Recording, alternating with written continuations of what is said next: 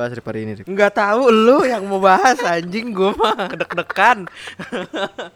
lu yang mau bahas.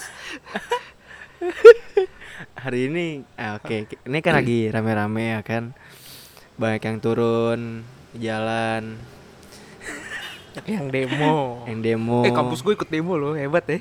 Tapi nggak kesorot ya, rame. Di Twitter rame Twitter gue. Apa karena di retweetin sama teman-teman gue ya jadi gue banyak ngelihat Angkatan baru berarti, Hmm. yang tua-tua jarang, jarang ada yang datang juga. yang tua-tua maksudnya, yang Maksudnya masih tua- kuliah yang berarti tua kan. ngerekam ya yang angkatan lu atau gimana atau Yang, ma- atasan lu. yang masih kuliah. Enggak lah, yang, yang sering nongkrong di kampus. Enggak kayaknya. nggak ada. Jarang. Kan nggak ada alma mater. Oh nggak pakai? Lu Nggak. nggak ada? Ada, cuman Heeh. eh, gua nggak juga nggak tahu alma mater gua ke mana. Tapi dibagiin kan? Dibagi. Ada, ada di rumah gue, cuman Nggak pernah kepake. nggak pernah kepake. Jadi di lemari doang gitu, kayak Nah itu rame banget. Nggak, iya nggak cuma di Jakarta, banyak di Indonesia, Semarang, Jogja, terus Makassar, Bandung, Bandung, Padang, Padang hari ini ya. kemarin juga. Ya, Bali juga, Bali, Bali tidak takut. Eh apa? Bali, Bali. melawan. Bali, eh bukan. Bali tidak takut ya apa sih? Bali ikut. Gue lupa Eh, Bali pokoknya apa. gitu. Ada Ya, hashtagnya sendiri deh hebat. Kalau Jogja punya Gejayan. Gejayan memanggil, Semarang melawan. Kalau Jokowi punya turunkan Jokowi. Eh, Jakarta punya turunkan Jokowi.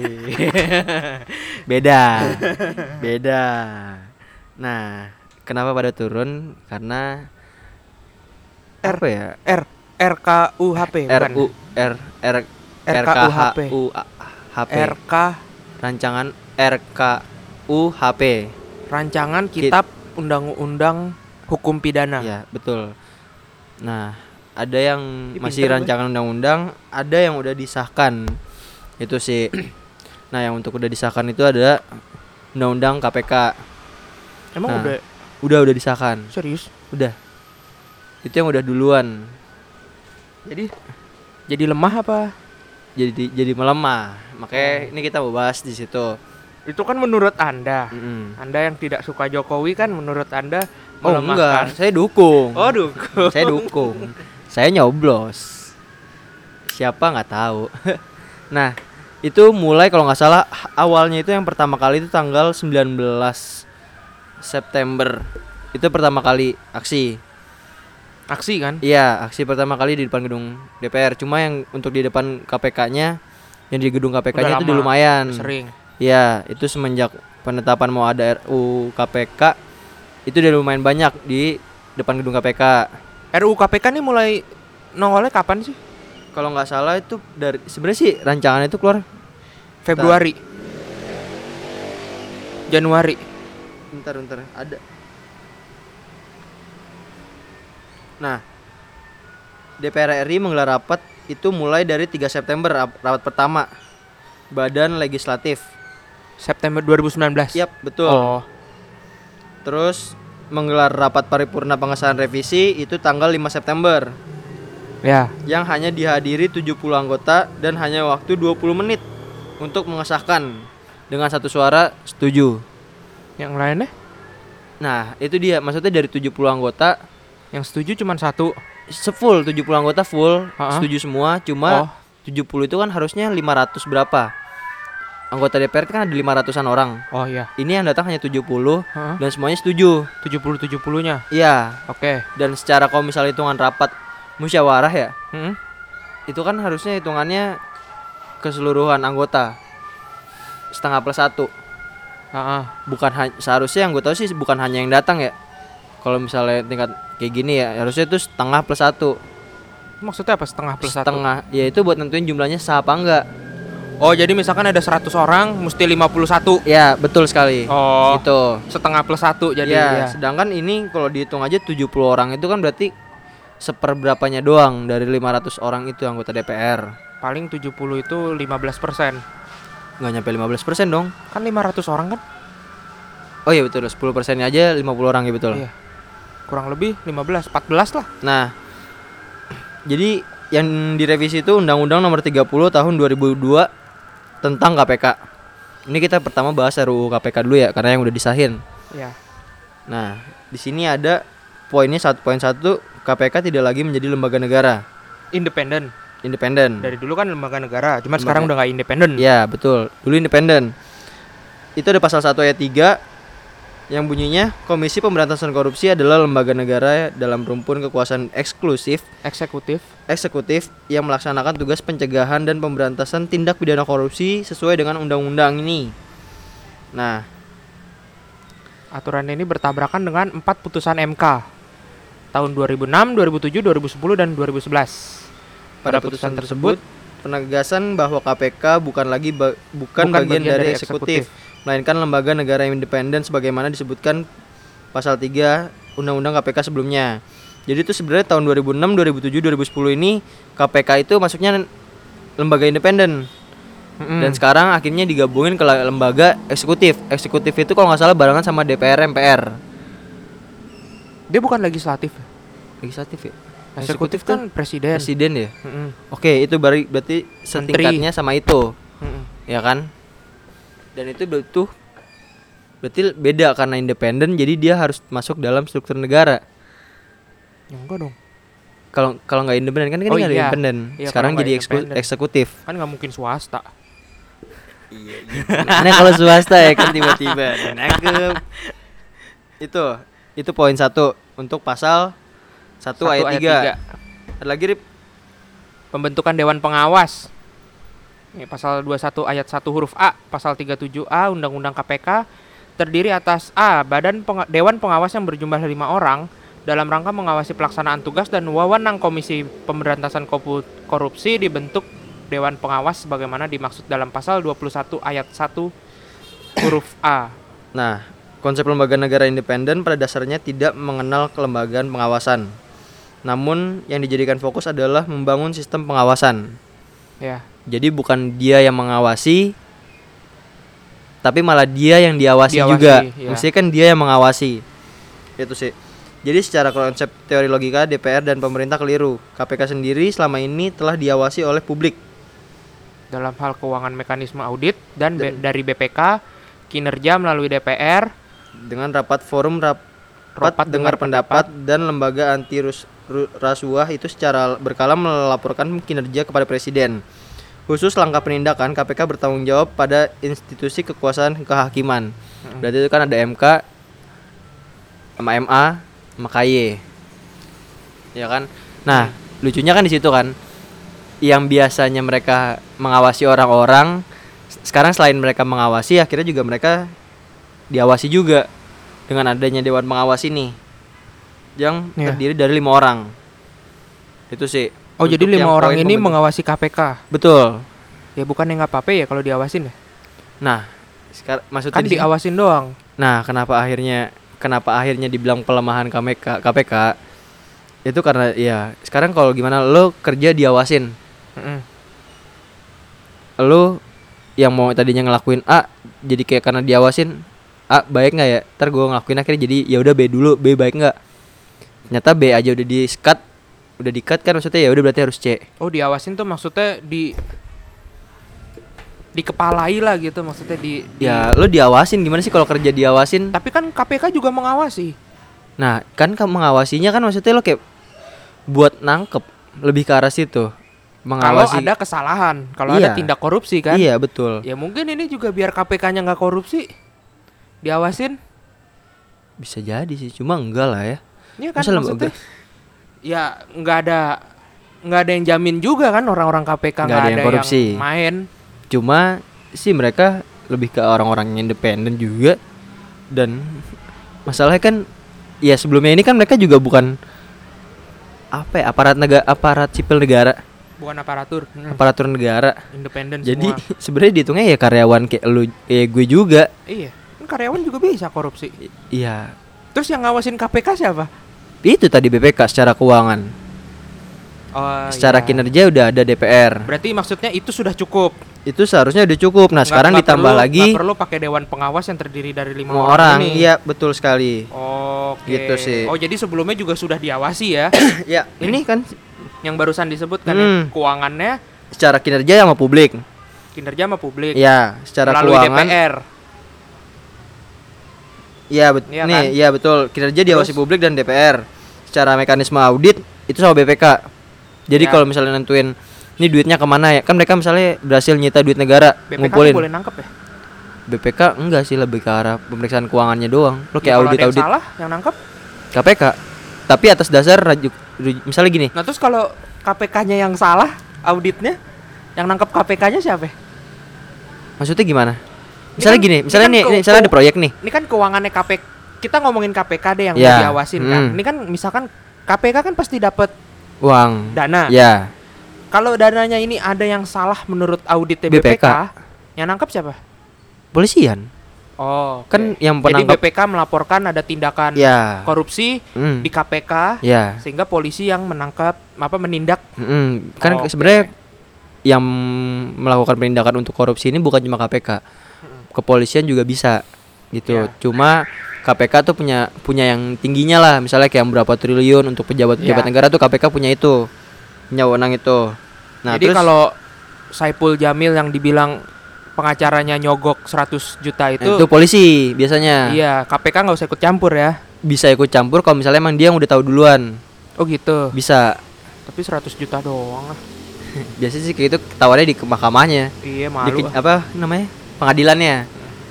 Yang ketiga Dewan Pengawas Campur Tangan Eksekutif. Pada pasal 37E ayat 1 ketua dan anggota Dewan Pengawas bagaimana dimaksud pasal 37A yang tadi diangkat dan ditetapkan oleh Presiden Republik Indonesia. Pengangkatan Dewan Pengawas yang dilakukan oleh Presiden dikhawatirkan melunturkan sikap independensi penegakan hukum KPK sebab kewenangan yang diperoleh oleh Dewan Pengawas amat sangat amat sangat besar hingga pada izin penyadapan penggeledahan dan penyitaan Iya. Ini mah bukan diawasin, dijagain. Lu jangan ke mana-mana lu. jadi kalau misalnya dia mau nyadap, dia Mau juga harus nyadap, ada di Harus ada izin sama Dewan dewan, pengawas. pengawas. Mending kalau harus ada di tempat, harus ada izin. Kalau kan nggak dikasih PR kan. izin nyadap, Nah, itu yang PR kan malah nanti dia akhirnya dianggap menyalahi aturan. Itu kan yang maksudnya dibilang melemahkan akhirnya. iya nanti dewan pengawas jual data lagi ke e-commerce, ke Facebook. 100 ribu per Iya. orang. Kalau nggak nyaloin lagi. Terus Menggerus kewenangan pimpinan KPK. Waduh, apa ini? Pasal 21 ayat 4 diatur dalam Undang-Undang KPK sebelumnya dihapus. Isinya pimpinan KPK adalah penyidik dan penuntut umum. Nah, di sini dijelaskan bahwa penghilangan status penyidik dan penuntut pada pimpinan KPK berakibat serius. Karena pimpinan KPK dapat dikatakan hanya menjalankan fungsi administratif saja, tidak bisa masuk lebih jauh dalam penindakan. Jadi ke depan pimpinan KPK tidak bisa memberikan izin penyadapan, penggeledahan maupun tindakan pro justisia lainnya. ini Waduh, balik lagi ke yang tadi ya, maksudnya karena ada dewan pengawas itu jadi pimpinan KPK ya bukan yang paling atas, dia mah jadi yang paling tanda atas tangan doang. eh, mengetahui. Ah, apa sih biasanya? Iya orang. mengetahui terus dia satu lagi mengfungsi administratif doang. iya Lampiran ketua KPK Oh, iya. udah. Kalau Eh, apa kalau- namanya Eh, tujuan misalnya yang mengetahui rujukan ya kan itu di Iya. bawah tuh pimpinan KPK segala macam Jadi nanti sekretaris KPK udah beli ini nih. Apa not yang sign here yang ada Oh, iya. tanda panahnya. Udah kerjaan KPK nanti Sini, pimpinannya gitu sini. doang. pimpinannya Sini, yang sebelah sini, kiri sini, biasanya gitu, iya. soalnya yang sebelah kanan tuh punya dewan pengawas Loh saya di sini enggak, enggak itu dewan pengawas, Pak. Oh. Saya ngapain ya di sini ya? nah ini juga yang baru kan tadi udah disebutin ya kalau mereka sebenarnya bukan mm, ASN nah di pasal 1 ayat angka 6 pasal 24 ayat 2 pegawai Komisi Pemberantasan Korupsi adalah aparatur sipil negara sesuai dengan ketentuan peraturan undang perundang-undangan mengenai aparatur sipil negara. ya. Nah, selama ini enggak semua. nggak semua pegawai pegawai KPK, KPK masuk ke ASN. Sebab terdapat pegawai tetap KPK dan pegawai tidak tetap. Tentu saat atas kondisi seperti ini diperlukan penyesuaian kondisi yang cukup panjang. Selain itu, poin pentingnya adalah dalam konsep lembaga negara independen, salah satu cirinya adalah kemandirian dalam sumber daya manusia. Tentu jika disamakan status kepegawaian akan menghilangkan status lembaga negara independen. Mungkin yang paling kalau mungkin kalau yang ASN lebih ke arah ketua-ketuanya kan kepala-kepalanya, misalnya pimpinan-pimpinan atau wakil chiefnya. Iya, itu biasanya sih. Ya namanya juga udah tidak di dijadikan independen lagi jadi ya wajar lah. Kalau sekarang semuanya pegawai sipil negara aparatur sipil negara. Lanjut. hilangnya independen hilangnya Independensi. independensi. KPK dalam perekrutan penyelidik. Waduh. Penyelidik pasal 43 pasal 43 A penyelidik gimana sih Penyel- nih bacaan? penyelidik. pasal 43A penyelidik ko- KPK dapat berasal dari kepolisian, kejaksaan, instansi pemerintah lainnya dan atau internal KPK. Persyaratan menjadi penyidik diselenggarakan oleh KPK bekerja sama dengan kepolisian dan atau kejaksaan. Eh buset, Dengan adanya aturan ini menghilangkan independensi KPK dalam pengelolaan sumber daya manusia. Sebab meskipun dibuka kesempatan dari instansi pemerintah lainnya dan atau internal KPK, namun dalam ayat selanjutnya mengharuskan adanya kerjasama Dengan dengan, kepolisian, kejaksaan dalam memenuhi persyaratan tentu tertentu untuk menjadi penyelidik. ya udah. Fix ini tuh dikat. Kapan gue jadi ketua KPK kalau gini? Itu juga sebenarnya ada, cuma gua hapus. Itu masalah umur, batasan umur untuk jadi pimpinan KPK. Berapa? ya? Nah, awalnya tuh gue lupa umur berapa dan sekarang tuh jadinya umur 50 sampai 65 tahun. Jadi kalau lo di bawah umur 50 tahun lo nggak bakal bisa jadi pimpinan KPK. Oh, itu sih. gitu. Itu yang baru. Jadi lo di bawah umur 50 lo nggak bakal bisa jadi pimpinan. Ya udah ntar nunggu 50. Terus Jadi sekarang kerja bersih, umur 50 masuk situ kan banyak duit. Oh iya. Siap. 7. Penga- Kewenangan penyadapan KPK terganggu. Pasal 32 37B gede juga ya. 37B ayat 1 huruf B Pasal 12 sat- ayat 1. Nah, ini ada du- dua pasal ya. Dewan pengawas bertugas memberikan izin atau tidak memberikan izin penyadap penggeledahan atau penyitaan dalam pelaksanaan tugas penyelidikan atau penyidikan. Komisi Pemberantasan Korupsi berwenang melakukan penyadapan. Nah, jadi mereka punya wewenang balik lagi kayak yang tadi. Iya, sebenarnya itu itu aja diputer-puter. Instrumen penyadapan merupakan salah satu alat bagi KPK untuk membongkar praktik kejahatan korupsi. Utamanya, pada untuk menangkap tangkap tangan. tangkap tangan ya, OTT. yang biasa dikenal banget tuh. Yo eh. Data KPK menyebutkan bahwa sejauh ini KPK telah melakukan tangkap tangan sebanyak 132 kali, eh 123 kali dengan tersangka 432 orang. Pentingnya, poin pentingnya sejak KPK berdiri saat ini hingga saat ini belum ada satupun terdakwa yang pada awalnya terjaring tangkap tangan divonis bebas. Itu belum pernah ada. Iyalah orang tang- ketangkep basah kan Iya, kan? tangkep tangan kan tangkep basah. Selain itu, aturan ini juga terlalu birokratis karena menambah jaringan baru memberikan pemberian izin sadap ya ini dewan pengawas.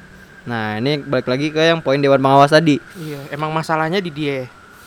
Sebenarnya masalah intinya kalau sampai saat ini yang dilihat ya kayak adanya dewan pengawas, terus eh, Itu sih yang paling yang paling bikin akhirnya jadi melemah. Karena kalau misalnya dewan pengawas nggak ada, kayaknya semua pasal ini nggak nggak nggak terlalu parah. iya Ya kan karena semua poinnya di sini lebih ke arah balik lagi ujungnya ke dewan pengawas, dewan pengawas, dewan pengawas. dewan pengawas, dewan pengawasnya sendiri sudah tidak independen. Ya kan ada campur tangan eksekutif dalam merekrut dewan pengawas. Ya. Kemudian untuk pimpinan KV KPK eh apa sih Apa tuh? eh, statusnya jadi status hanya administrasi saja Ya, betul karena kan tadi poinnya. tidak dapat tidak bisa memberikan izin penyadapan, secara peng- langsung ya kan, penggeledahan, Karena kan penyidikan. tadinya dia memberikan ya udah approval, ya. dia yang paling tinggi. Terus Nah, perekrutan juga sudah ditambah tidak independen. Bukan dianya sendiri, sekarang Iya. ditambah lagi oleh ini Dan ini, ini. dan ini itu. Terus sekarang kewenangan penyadapan terganggu ya, iya jelas. Karena nggak ada izin sadap, nggak bisa ngapa-ngapain lah ibaratnya kalau tidak diizinkan. Oleh sebenarnya secara sistem sih udah bener ya. Maksudnya lo kalau ini kan harus ada izin harus ada izin gitu, Ya. cuman ini yang dibahas kan udah nggak independen kalau harus izin ke aparatur negara. Nah, karena kan poinnya gini, sebenarnya kalau emang pakai dewan pengawas, dewan pengawasnya ini siapa? Dari KPK-nya yang milih kah? Dari dari pimpinannya apa dari kesepakatan kan pimpinannya biasanya cuma nggak cuma satu tuh.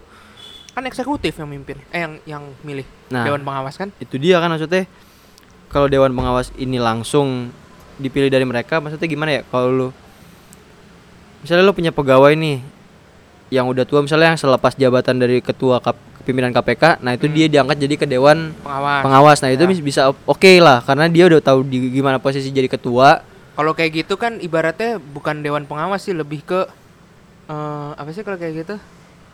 Pembina. Ya ya tai, wet. kan sebenarnya kan sebenarnya pembina dan pengawas. Iya kan pembina kalau struktural di kampus kan gitu tuh. Ya lu Cuman kalau ini anggota abis anggota lu jadi alumni kan. Nah, Nah. alumni tuh dewan pembina tuh. Pembina. Eh, ngajarin Ya. mentorin. Lo Ah. harusnya jangan gini lo jangan gini. Kepada yang muda-muda yang baru-baru. Hmm. cuman kalau kayak gini bener sih ini lebih ke pengawas sih terus penjaga. Hilangnya kewenangan KPK pada tingkat penyelidikan dan penuntutan. Wadaw panjang. Pasal 12 ayat 2 dalam melaksanakan tugas penyidikan KPK berwenang memerintahkan kepada instansi yang terkait untuk melarang seseorang berpergian ke luar negeri.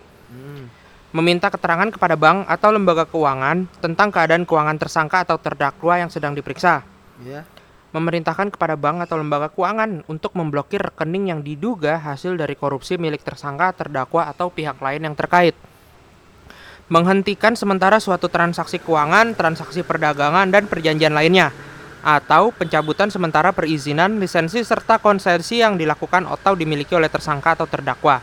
Yang diduga berdasarkan bukti awal yang cukup ada hubungannya dengan tipikor yang sedang diperiksa meminta bantuan Interpol Indonesia atau instansi penegak hukum negara lain untuk melakukan pencarian, penangkapan, dan penyitaan barang bukti di luar negeri. Meminta bantuan kepolisian atau instansi lain yang terkait untuk melakukan penangkapan, penahanan, penggeledahan, dan penyitaan dalam perkara tipikor yang sedang ditangani. nah perubahan ini tentu Berdampak akan buruk. berdampak buruk bagi penegakan hukum di KPK Bagaimanapun dalam undang-undang sebelumnya dengan kewenangan KPK yang luas pada tingkat penyelidik, penyidik, penyelidikan sampai pada penuntutan terbukti mempermudah dan memaksimalkan kerja KPK dalam hal mem- pengumpulan barang bukti yang nantinya bermuara pada pelancaran proses penanganan perkara dan pembuktian kesalahan terdakwa di meja persidangan. Sebenarnya kalau yang ini gue nggak tahu sih yang poin-poin sebelumnya. Karena maksudnya gue di sini bisa tugas penyidik kan sebenarnya ini udah, udah udah wajar ya karena kayak melarang berpergian kan emang itu biasa KPK ya? Hmm, nah ini gue nggak tahu poin sebelumnya tuh gimana di undang-undang sebelumnya. Ya, betul ya? Sama kan? Sama. maksudnya untuk yang poinnya menurut gue sih it's okay. it's okay. Karena gue nggak tahu juga yang sebelumnya gimana. Nah. Oh, kalau dari sini disebutkan bahwa kewenangan kewenangan KPK yang luas, sebelumnya lebih luas. Pada tingkat penyelidikan sampai pada penuntutan. Berarti seharusnya lebih banyak dari Oh. ini lagi Bukan. Eh nggak tahu juga ya. Kan Kan sih meminta do- bantuan meminta bantuan, iya sih. Mungkin Tapi lebih kan- banyak kali. tapi kan sebenarnya emang harus begitu kan kalau lo buat ngentiin rekening orang terus segala macam kan emang harus ke bank dulu kan Iya. kayak tadi pemerintah yang buat melarang berpergian kan juga lo Interpol. harus dari pergi- dengan apa biasa kayak gitu perhubungan ya apa sih kalau Interpol. Interpol Kalau ya? udah urusan kriminal luar negeri kita kan Interpol. Hmm, nah itu kan Kalau di dalam negerinya polisi. Oke, terus Nah, kenapa akhirnya ini yang cukup diramaikan sama mahasiswa yang turun ke jalan itu karena masa waktunya cuma 15 hari kerja. cuma 15 hari kerja dari dari dari pembahasan sampai ke pengesahan. Cepet It- ya. Itu yang dibilang akhirnya terlalu terburu-buru. Satu poin kan karena kalau nggak salah tanggal 30 September ini atau nggak tanggal 1 Oktober ini itu udah selesai masa jabat untuk DPR yang sekarang. Ya. Maksudnya kan agak lebih kayak terburu-buru buat ngesahin saat ini. Itu loh maksudnya Kayak nguber nge- ngejar waktu banget. iya kayak pengen lo punya Mumpung- kenang-kenangan gitu nih hasil hasil produk gue nih angkatan gue Ini mah main aman untuk periode selanjutnya, bukan Iya. kenang-kenangan dia. bisa juga maksudnya kan kita juga nggak tahu nih dewan yang terpilih ini rata-rata orang-orang yang sekarang apa orang-orang baru juga kan Kalau orang baru kan pada deg-degan ya. makanya alhamdulillah kebantu Iya, orang lamanya kan. nah kronologinya gini ya tadi sebenarnya udah gue jelasin dikit ya kan 15 hari untuk Ya. merevisi undang-undang KPK. Itu terhitung mulai digelarnya rapat oleh Badan Legislatif DPR RI menggelar rapat tanggal 3 3, September 2019. Badan Legislasi legislasi adalah lembaga di DPR yang salah satunya salah satu tujuannya untuk meninjau undang-undang. DPR lalu mengendar, menggelar rapat paripurna untuk mengesahkan revisi Undang-Undang KPK menjadi RUU inisiatif DPR pada 5 September 2019. yang hanya dihadiri 70 anggota. Ya, hanya butuh 20 menit. Semua yang hadir satu suara menyatakan setuju. DPR Mantap. langsung mengirimkan surat sekaligus draft undang-undang KPK ke Presiden Joko Widodo. Presiden Joko Widodo lantas mengirimkan surat presiden ke DPR pada 11 September. What? Itu berarti enam hari dari Tanggal inisiatif RU yang terakhir revisi Ya. undang-undang. Tanda bahwa pemerintah setuju untuk direvisi. Jokowi menunjuk dua menterinya yaitu Menteri Hukum dan Menteri HAM. Menteri Hukum dan HAM Bapak Yasnoya Lauli dan Menteri Pertahanan Menpan RB apa ya? Itu pertahanan. Itulah Bapak Syafrudi untuk membahas revisi dan memberikan daftar inventaris masalah atau DIM. DIM dalam draft revisi Undang-Undang KPK. Kemudian Balek dan pemerintah mengadakan rapat kerja selama dua hari. Pada 12 dan 13 September. Ya, Yasona Lauli hadir di rapat tersebut dan sepakat melanjutkan pembahasan. pembahasan terjeda du- libur, Libur dua dua hari sebelum akhirnya Balek dan pemerintah mengadakan rapat panitia kerja pada s- 16 September 2019 yang membuahkan hasil revisi Undang-Undang KPK disepakati dibawa ke rapat paripurna. Keesokan harinya 17 September 2019 pukul 12.18 Undang-Undang KPK disahkan. Saat itu sidang pimpinan di Sidang dipimpin sidang dipimpin oleh Wakil DPR RI Fahri Bapak Fahri, Fahri Hamzah, politikus yang memang getol menyerang KPK sejak bertahun-tahun. Nah, jadi itu sebenarnya kronologi dari pengesahan Undang-Undang KPK ini. Nah, emang kalau misalnya dilihat dari berita-beritanya sih Pak Fahri Hamzah ini emang setuju banget nih buat revisi undang-undang ini. Apalagi yang terakhir-terakhir tuh di berita dia malah mending KPK dibubarin aja ya kan karena mengganggu apa ya namanya dibilang bisnis, bisnis atau segala macam. Terus investasi. ada juga menteri yang bilang ya adalah menteri yang bilang itu tadi mengganggu investasi segala macam.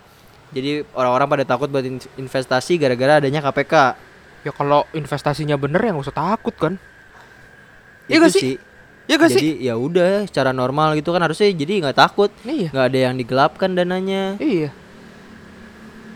Emang pada pengen aja. Iya sebenarnya sih kalau gue yakin kayak emang pengen bikin kenang-kenangan mungkin ya kenang-kenangan aja positifnya sih gitu mungkin pada bikin oh gue punya nih produk nih hasil kerja angkatan gue 2014 2019 Bangga gue.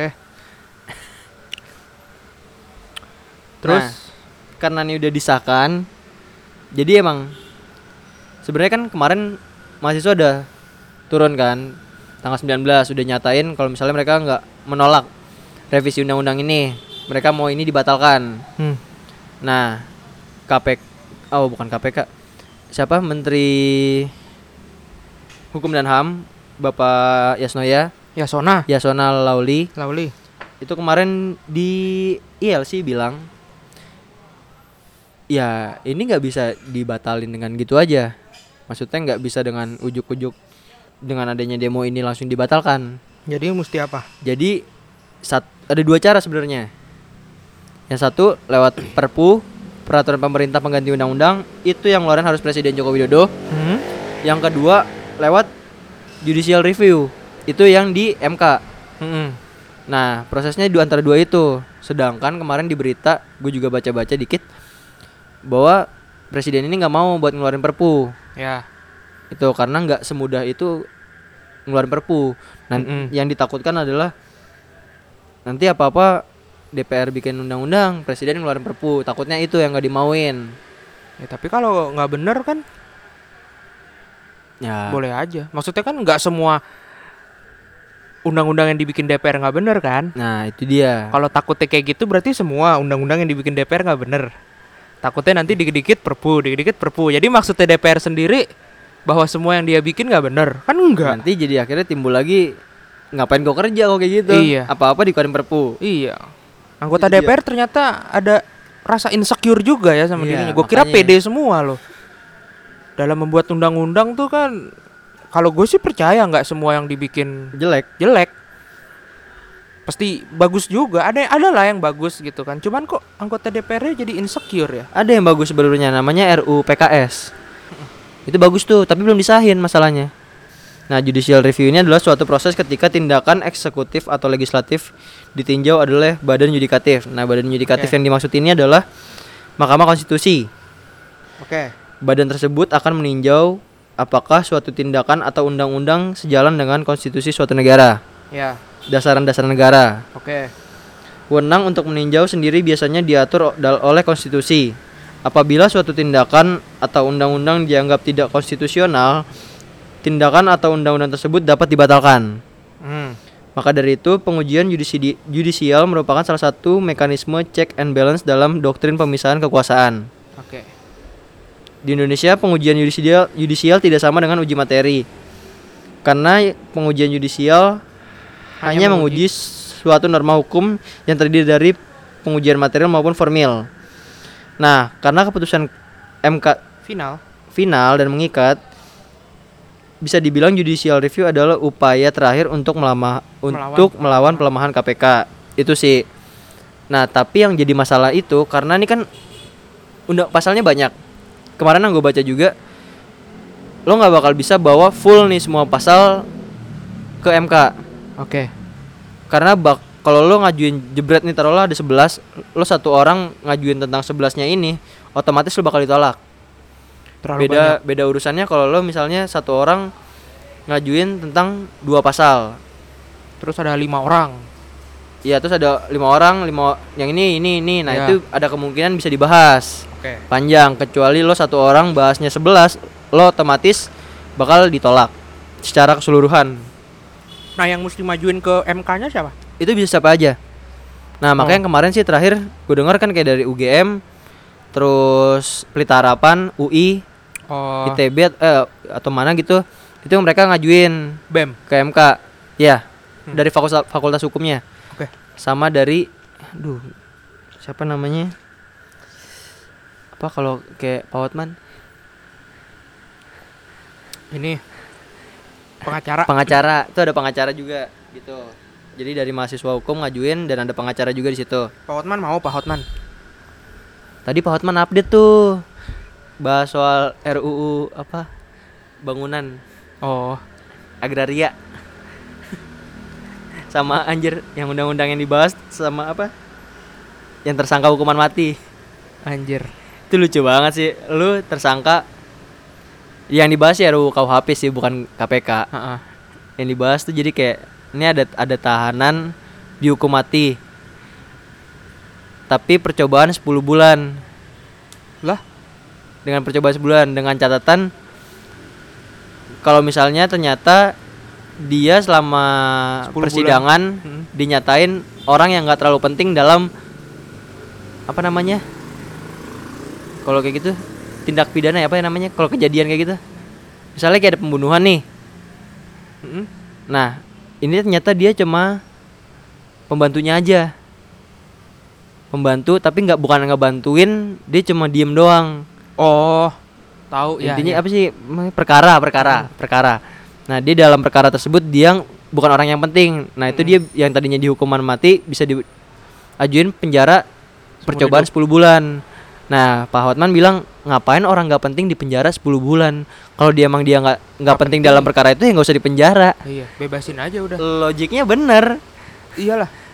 ya lu ngapain orang yang orang yang udah jelas nggak terbukti penting dalam perkara tersebut ngapain sampai dia dijatuhi hukuman mati terus, terus udah gitu dicoba percobaan 10 10 bulan. bulan. Itu sih Harusnya ya kalau mau tiga tahun udah lima tahun sekalian gitu. Ya. Jangan jangan mesti sebulan. Eh apa? 10 bulan segala macam Jauh cuy antara hukuman mati sama 10 10 bulan.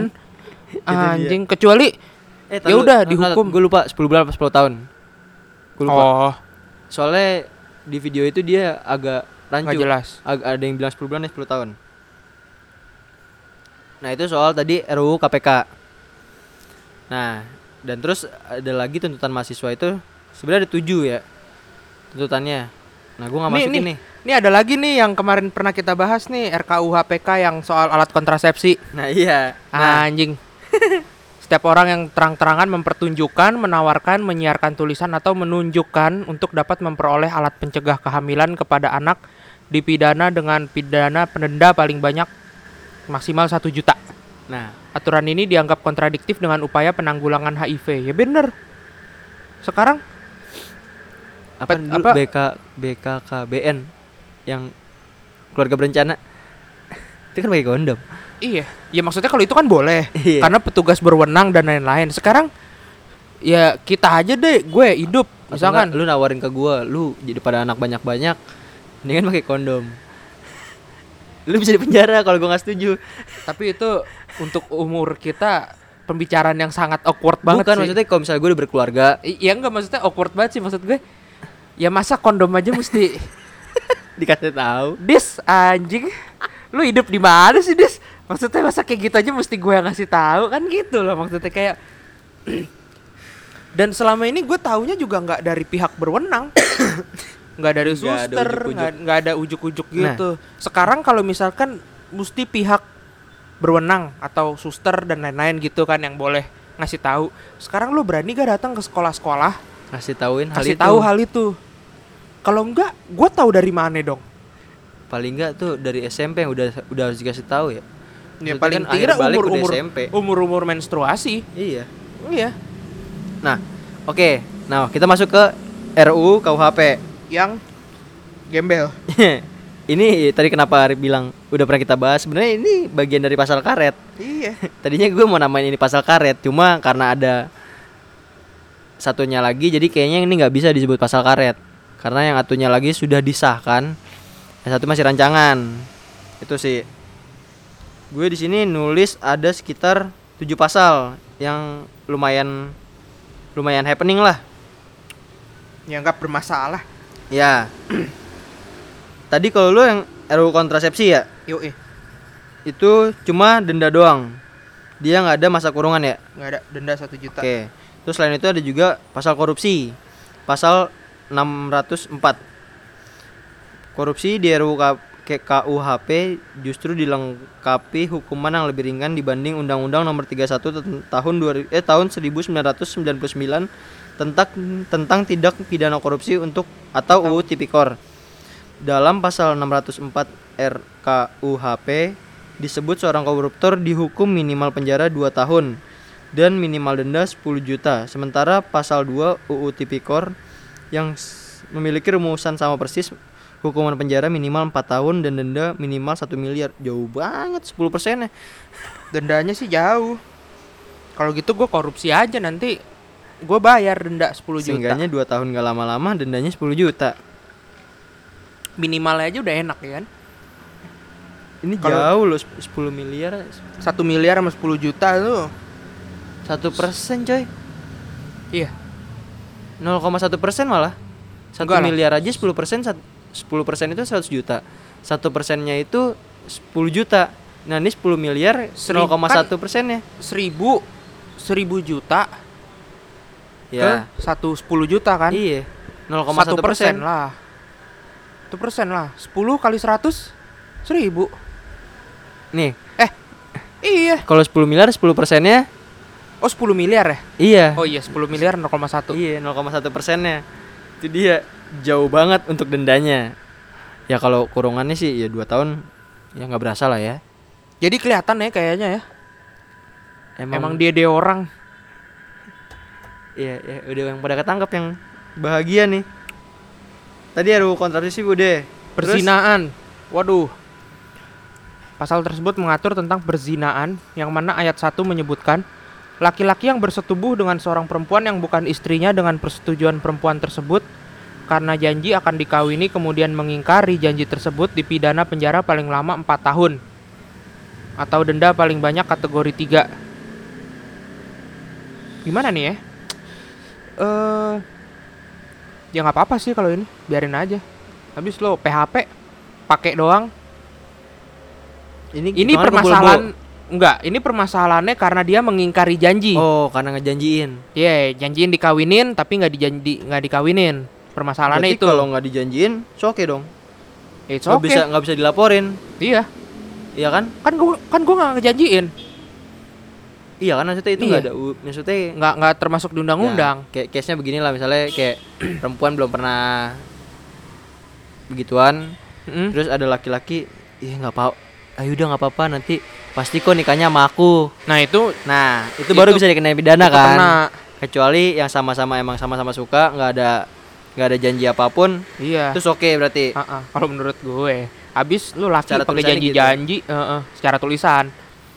Sementara ayat 2 dalam hal tindak pidana mak di mana tuh dimaksud pada ayat 1 mengakibatkan kehamilan dan laki-laki tersebut tidak bersedia mengawini atau ada halangan untuk kawin yang diketahuinya menurut peraturan perundang-undangan di bidang perkawinan dipidana penjara paling lama lima tahun atau denda paling banyak kategori 4. Ini siapa yang dipenjara? Laki-lakinya Oh, kan mengakibatkan kehamilan dan laki-laki tersebut tidak bersedia, bersedia mengawini. Atau ada halangan untuk kawin yang diketahuinya menurut undang-undang perkawinan misalnya udah punya istri Enggak lah, boleh. atau di bawah umur di Bawah bawah umur, Eh, beda agama.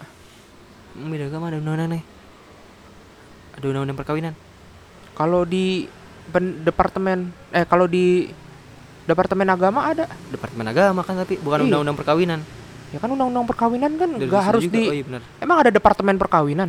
Nggak ada Nggak ada kan? kementerian perkawinan Nggak ada kan? Oh, iya. nah itu sih maksud nah nah ini kalau misalnya gini Tadi nih yang poin keduanya gue lagi bingung ada halangan untuk kawin berarti kan dia ada niat nga- ngawinin kan cuma ada halangannya Ya kan, Ini kan merujuk ke ayat satu yang tadi. Tapi ditambah kalau hamil. Iya, nih misalnya kan kau hamil, terus laki-lakinya sebenarnya udah mau nikahin, tapi terbentur sama peraturan perundang-undangan, itu tetap di penjara. Iya. Lah, Kan hapus ya. Padahal gue pengen. cuma ntar dulu, Cuman tunggu. sama undang-undang nggak Iya, boleh. misalnya taruhlah umur nih, ya udah ntar dulu tunggu setahun lagi nih. Iya. Anjing mending nunggu setahun daripada penjara lima tahun. Itu di. Oh, ngapus banget ah, itu. ini iya. apes nih, Ka- karet, karet. Karet. Terus habis itu penghinaan presiden. Ini juga Nah, pernah nih dibahas nih kayaknya. Pasal 218 sampai 220. Pas gue ya, Dua pasal ya anjing ya? Tiga pasal, 2000 218, 19, 20. Oh iya. Pasal ini juga dianggap bermasalah. Dalam draft KRKUHP tercantum pasal 218 dan 219 tentang penyerangan kehormatan atau harkat dan martabat presiden dan wakil presiden. Pasal 218 mengatakan setiap orang dianggap menyerang kehormatan presiden dan wakil presiden bisa dipidana maksimal tiga setengah tahun atau denda 150 juta. Terus Sementara pasal 219 menyebutkan setiap orang yang menyiarkan, mempertunjukkan atau menempel tulisan atau gambar yang dianggap menyerang kehormatan dan martabat presiden dan wakil presiden di depan publik terancam hukuman paling lama 4 tahun 6 bulan dan denda paling banyak kategori 4 yakni maksimal 150 juta. Sedangkan pasal 220 menegaskan perbuatan itu baru menjadi delik apabila ada aduan dari presiden atau wakil presiden. Hukuman lebih berat hukuman lebih berat diberikan bagi yang menyiarkan hinaan tersebut. Pada pasal 219 disebutkan ancaman adalah 4,5 tahun penjara. Ini nah ini nih, ini ada yang rancu nih. Nah, di sini kan harus diaduin sama presiden sama wakil presiden. Mm-mm. Terus tiba-tiba keluar revisi itu nggak bisa diaduin presiden atau stafnya atau apanya. harus presidennya. Enggak, jadi bisa diaduin sama presiden atau stafnya presiden atau orang apanya presiden gitu. Kayaknya sih stafnya deh yang ngaduin itu bisa. Nah itu yang agak PR. Kalau misalnya presiden yang ngaduin sih oke. Okay. Ya, tapi kan itu kan staf- atas kebaperannya presiden. Ya tapi kan stafnya kan juga berdasarkan instruksi presiden. Nah, Eh tapi nggak juga ya. tapi seenggaknya kan itu Maksudnya kan, stafnya. maksudnya kan kalau misalkan hanya dari presiden dan wapresnya, presidennya kan juga boleh nyuruh stafnya. Iya. Nah, Ya berarti kan, kalau Laporin misalnya dong gitu. berarti kalau misalnya poinnya itu stafnya boleh, berarti stafnya tanpa pengetahuan Per- presiden itu dia bisa ngelaporin. Iya. Nah itu yang PR, gitu sih. Aduh, sebenarnya kalau pa- kalau pasalnya kayak gini, aduan dari presiden dan wakil presiden kita bakal tahu sejauh mana presiden kita baper. Kalau kalau pasalnya kayak gitu. Takut Cuma yang gue tahu kemarin ada ada perubahan tuh di situ. Gue nggak tahu bener apa enggak ya. Kalau yang gue baca-baca sih kayak gitu. Jadi takut gue. Padahal nih enak nih pembahasannya banyak nih kemarin baru aja ada. Apaan tuh? Ini soal pasal ini. Kita udah kita bahas, juga kan di episode Bahas, sebelumnya. Udah nongol kan? Enggak yang baru-baru kemarin ada. Nah, ini kita juga bisa kena nih, Rip. Iya Itu makanya udah di, udah. po- di poin Iya, udah. menyiarkan mempertunjukkan. Heeh, udah. Siaran podcast nih, Rip. Heeh, ya udah. Pas nih. Enggak, nih, ini yang terakhir nih, gue baca nih. Hukuman lebih berat diberikan bagi yang menyiarkan. Ya, udah, udah, udah, udah, udah. Oh, tapi tadi dulu, tadi dulu. Ini yang agak ngeriin kalau misalnya ini beneran kejadian.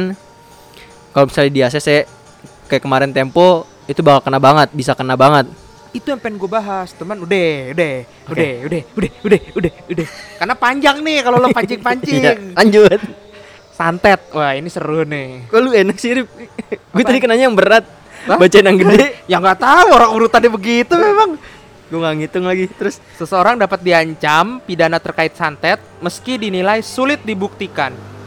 Penjelasan soal pasal tersebut dimaksudkan untuk mengatasi keresahan masyarakat yang ditimbulkan oleh praktik ilmu hitam Black Magic. yang secara hukum menimbulkan kesulitan dalam pembuktiannya. Ketentuan ini dimaksudkan juga untuk mencegah secara dini dan mengakhiri praktik main hakim sendiri yang dilakukan oleh warga masyarakat terhadap seseorang yang dituduh sebagai dukun santet, dukun Ya. teluh. Ini mah karet banget anjir.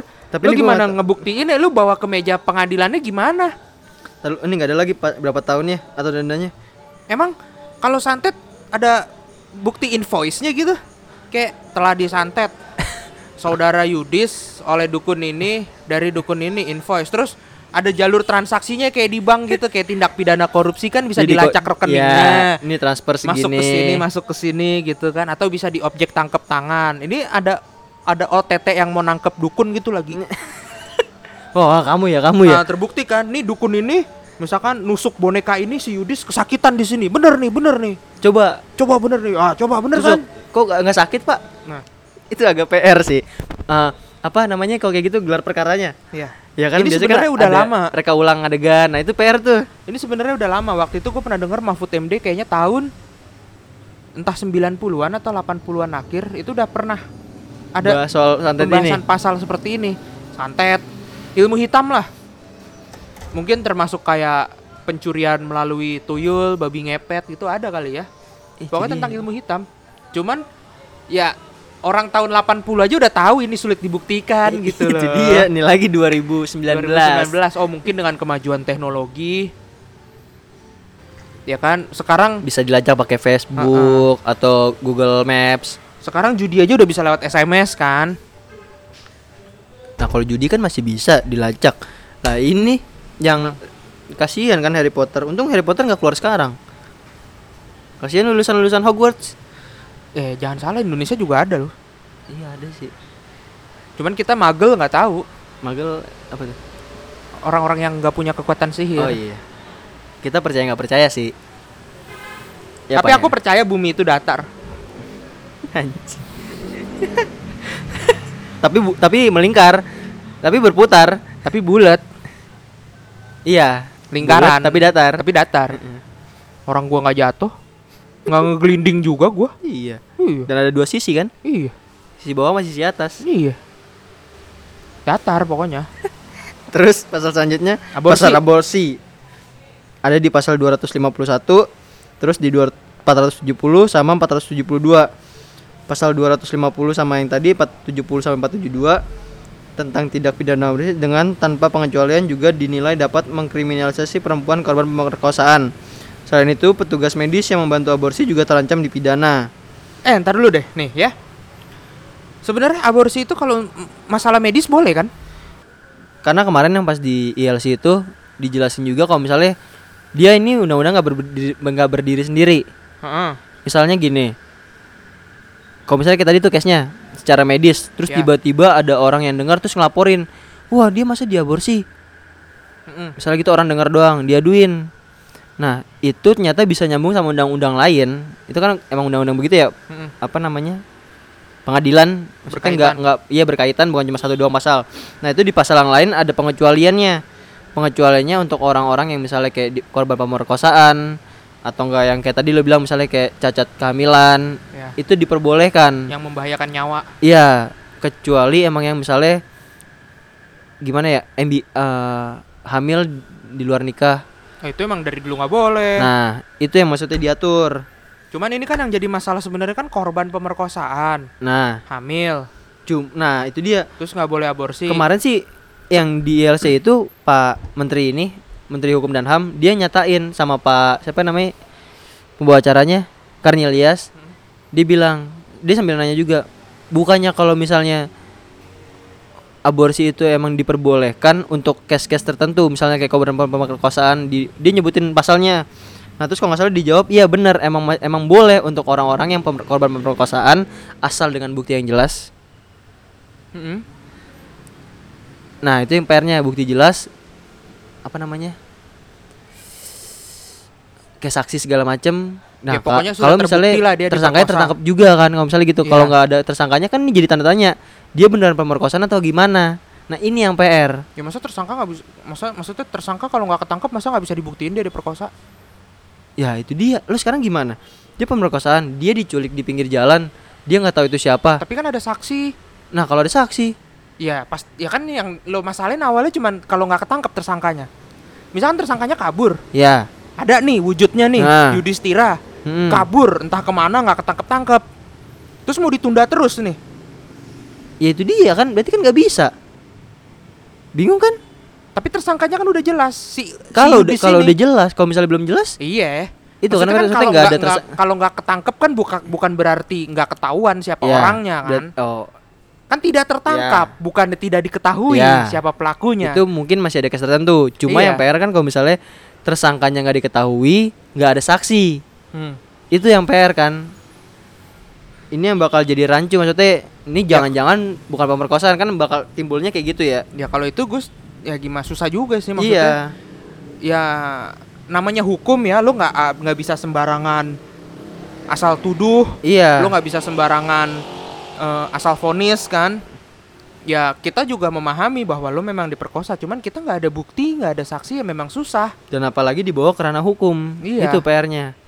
Satu poinnya di situ yang paling PR. Itu di mana juga kayaknya susah gue kalau nonton Law and Order, SVU juga kalau memang nggak ada bukti susah. Makanya itu dia. Gue bilang kalau makanya tadi dijelasin kalau untuk yang sebelumnya itu dia kan kalau di sini kan dibilang korban pemerkosaan. Nah, itu tadi udah dijelasin sebenarnya boleh. Berarti nggak ada masalah dong sebenarnya pasal ini Enggak sih. Cuma ya rancunya tetap yang di situ. Yang poin tadi kita itu. tentang Yang kalau misalnya emang terbukti di Nggak. pengadilan bahwa dia Ya, diperkosa oleh ya, si ini. betul. Ya Dan- itu jangan ini aborsinya yang diserang. ya, tersangkanya Pasal tentang pemerkosaannya. mem- apa membuktikan pemerkosaannya, pasal tentang pemerkosaannya yang diserang. Kalau petugas medisnya ya pastilah ya harus dipidana kalau misalnya emang Ya kalau dia bukan kalau secara ilegal, ya, yang iya. misalnya Ya, itu bidan kan bidan dulu iya memang. kan. Yang Udah blender sering. apa? Blender kan? Nggak Blender. yang yang sering yang waktu itu pernah ditangkap di mana gitu? Yang di septic tanknya banyak janin. Hmm. Itu kan memang udah terbukti. Terakhir, gue ya. Ya, Apa nih terakhir? ini yang paling lucu. Oh gitu. Tentang gelandangan. Iya nih, brengsek banget. Pasal 432 RKUHP menjelaskan bahwa setiap orang yang bergelandangan di jalan atau di tempat umum yang mengganggu ketertiban umum dipidana dengan pidana denda paling banyak kategori 1 atau denda 1 juta. Hal ini dianggap berseberangan dengan Undang-Undang Dasar Negara 45 yang menyatakan fakir miskin dan anak terlantar dipelihara oleh negara.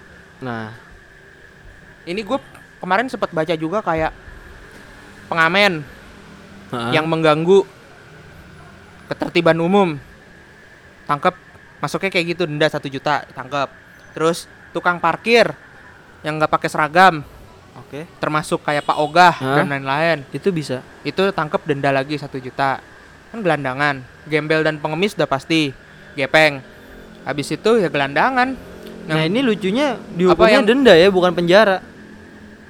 Kalau dihukumnya penjara mereka pasti bisa senang. ya kalau dihukum, di penjara kan dapat makan. dihukum penjara juga dia melakukan apa Ya itu dia. Sekarang denda satu juta dapat dari mana?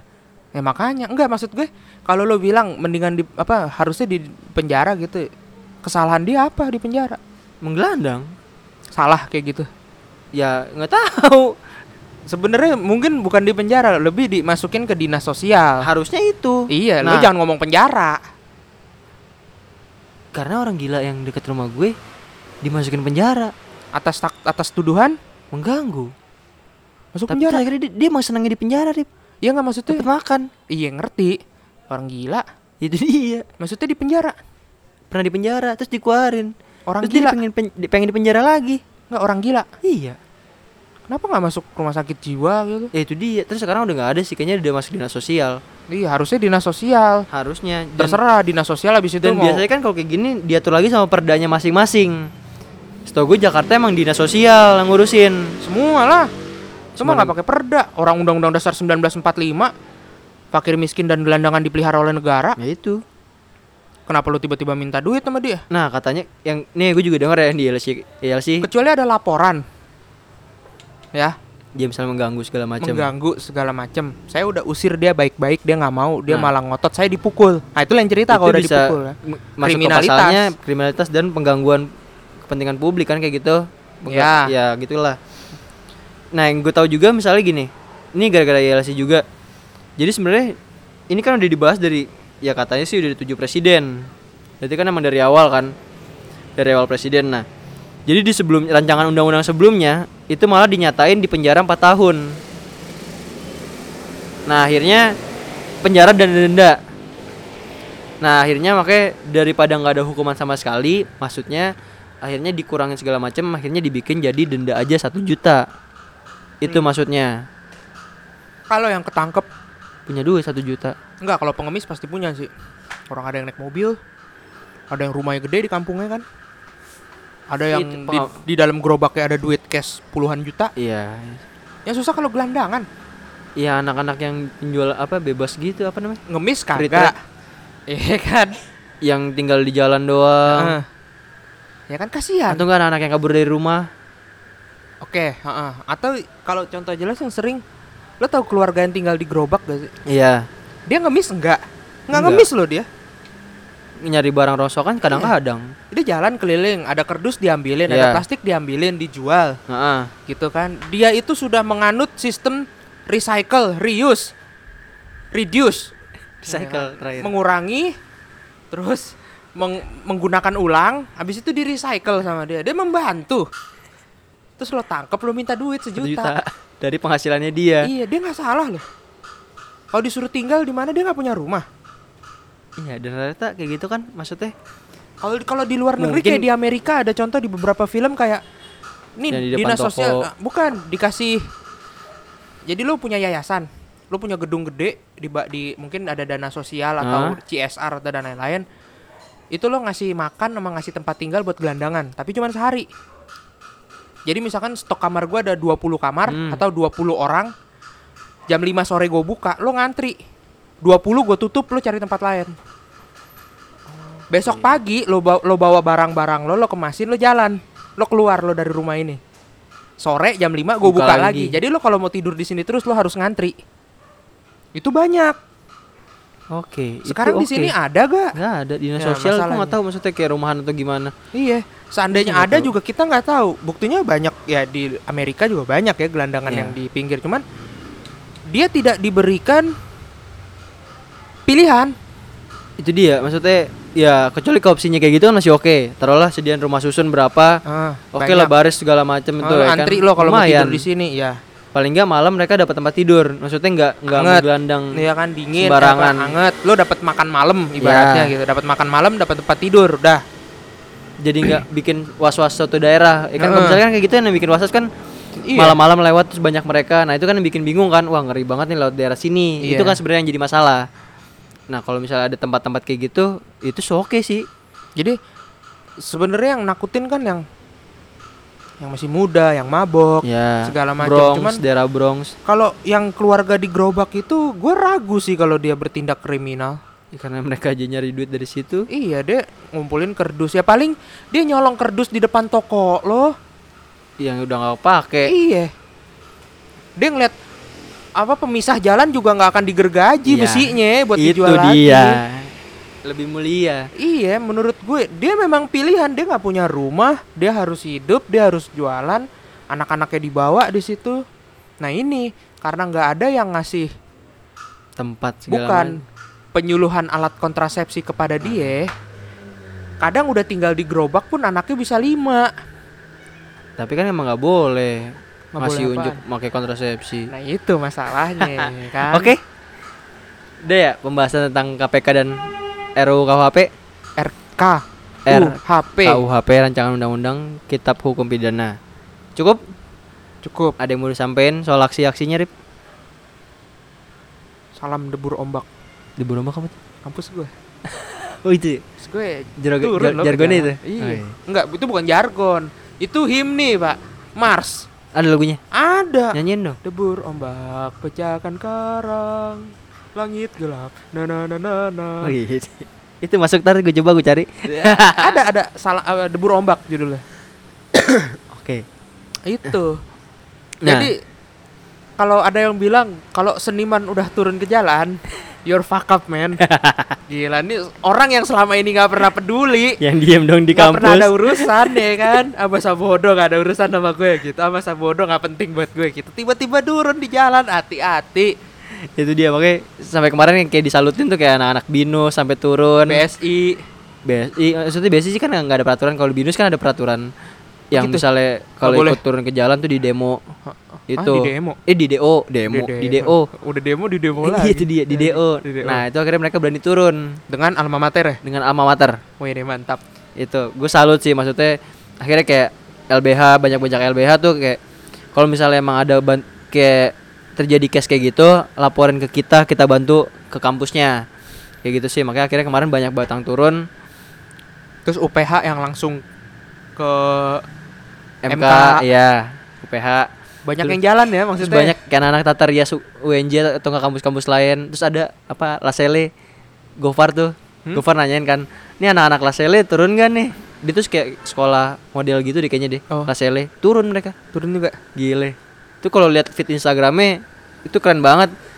Modeling gitu segala macem Dia turun ke jalan dia dia dia update di feednya sama di storiesnya kalau mereka turun ke jalan. Adik-adik STM juga banyak yang ikut Adik-adik STM ya. Kalau kemarin masih keren. Dia kayak Avenger mau Assemble. cabut tau kalau assemble. Wah lari masuk situan. Padahal dia nggak tahu di dalam mau ngapain. Pokoknya masuk aja gue. cuma ha- ya agak disayangkan hari ini ya. Hari ini. Hari Gua ini per hari ini Nggak, agak nggak baca disayangkan. berita gue. Ya cukup parah. Jadi sebenarnya kalau kemarin emang tuntutannya bertemu sama Dewan Kehormatan. Ah, tapi gue nggak percaya lo kalau yang kayak kayak gitu dibilang kayak ngebakar nggak apa gitu apaan tuh? mahasiswa. Ya itu dia, itu yang agak PR-nya di situ sih. Karena kalau gue lihat udah pada kompak ya. Nggak ada yang mau pakai hashtag turunkan. Ya, Tidak ada Karena- yang mau membatalkan pemilihan. pemilihan pemilu Ya. kemarin gitu nggak ada. Nggak ada dan kayak case-nya kemarin ada yang bawa bendera be- apalah itu segala macam yang hitam itu malah ditegur. Iya. maksudnya jangan dibawa lah maksudnya kayak gitu. Itu ditegur karena Bukan- maksudnya karena mereka udah ngeja- ngebilang sendiri kayak anak UI-nya bahwa mereka nih nggak ada agenda politik. Dan bukan masalah agenda Bukan- politik kita ini di sini atas nama rakyat Iya, Indonesia bukan ditunggangi sama siapa pun. Nggak usah lo bawa-bawa agama lo nggak usah bawa-bawa eh, pilihan politik Ya, segala macem. betul. udahlah kita di sini sebagai rakyat Indonesia yang tidak setuju. Mm-mm. dan emang nyatanya nggak ada nggak ada seruan buat mengganti presiden atau membatalkan pemilihan. Karena sebenarnya kalau yang gue tahu itu case-nya parah banget. Ya ekonomi kita lagi kayak gini. Kalau misalnya emang tiba-tiba pemilihan dibatalkan atau penurunan presiden juga itu Iyalah. anjlok. Ya kalau itu kalau itu gue juga ya lo tahu gue kan. Gue juga nggak setuju kalau itu. Maksudnya ya ya udah ter, udah terbukti menang kok. Iya udahlah. maksudnya nggak perlu sampai segitunya dulu karena Mm-mm. ya emang nih secara keseluruhan mereka bareng nih. Yang di atas ini mereka kompak. Nah kita yang nyoba dobrak buat lawan itu kekompakan itu bahwa misalnya nggak harusnya semua jalan mereka kompak kayak gini. Lo harusnya kompak sama gue bukan lo kompak sendirian terus gue nggak bisa ngapa-ngapain gue Betul. juga bisa kompak nih karena kan ya namanya Dewan Perwakilan Rakyat. Iya. Masa yang diwakilin pemerintah? Harusnya kan rakyat.